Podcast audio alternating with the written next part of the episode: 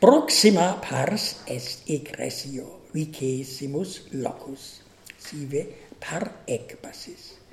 Egressionem quam multi ut laetum ac plausibilem locum jactationis causa pro oemio subjungunt.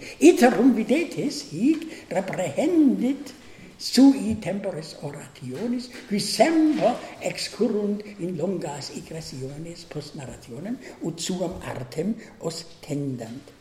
Igressionem illam non adere debemus, nisi post finem atrociorem narrationis, velut erum pente protinus indignatione. Si aliquid indignum diximus, ut Cicero in pro sexto Roscio Amarino inimici inimici sexti Roscii senis occiderunt eum de inde hereditatem occupa verunt.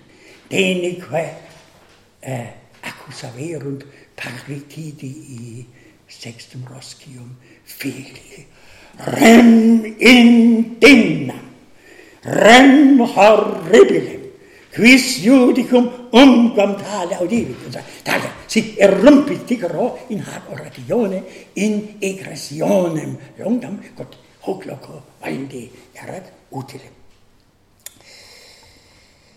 Quid primum querar aut unde potissimum judicis aria abdi.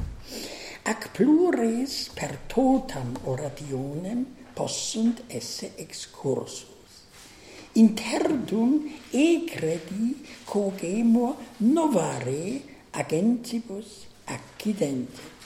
Ut cicero in Miloniane ea qua usus est. Cicero cum Bromilone dicaret, perturbatus est a Catervis Glodianis, quid contra, eh, qui contra eum clamavam, ergo debebat in ea oratione degredi de proposito suo in egressionem, ut eos quodamodo sopiret.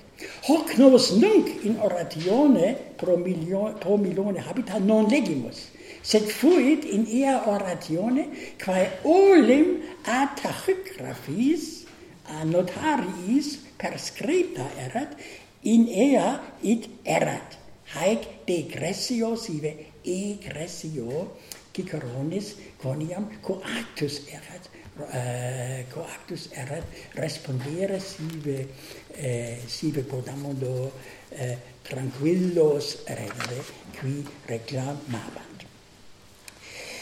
Pergamus, in, in, nost, in nost, nostro nostris fatasse, nostra uh, oratio miloniona postea scripta est ubi haec omnia omis, omisse.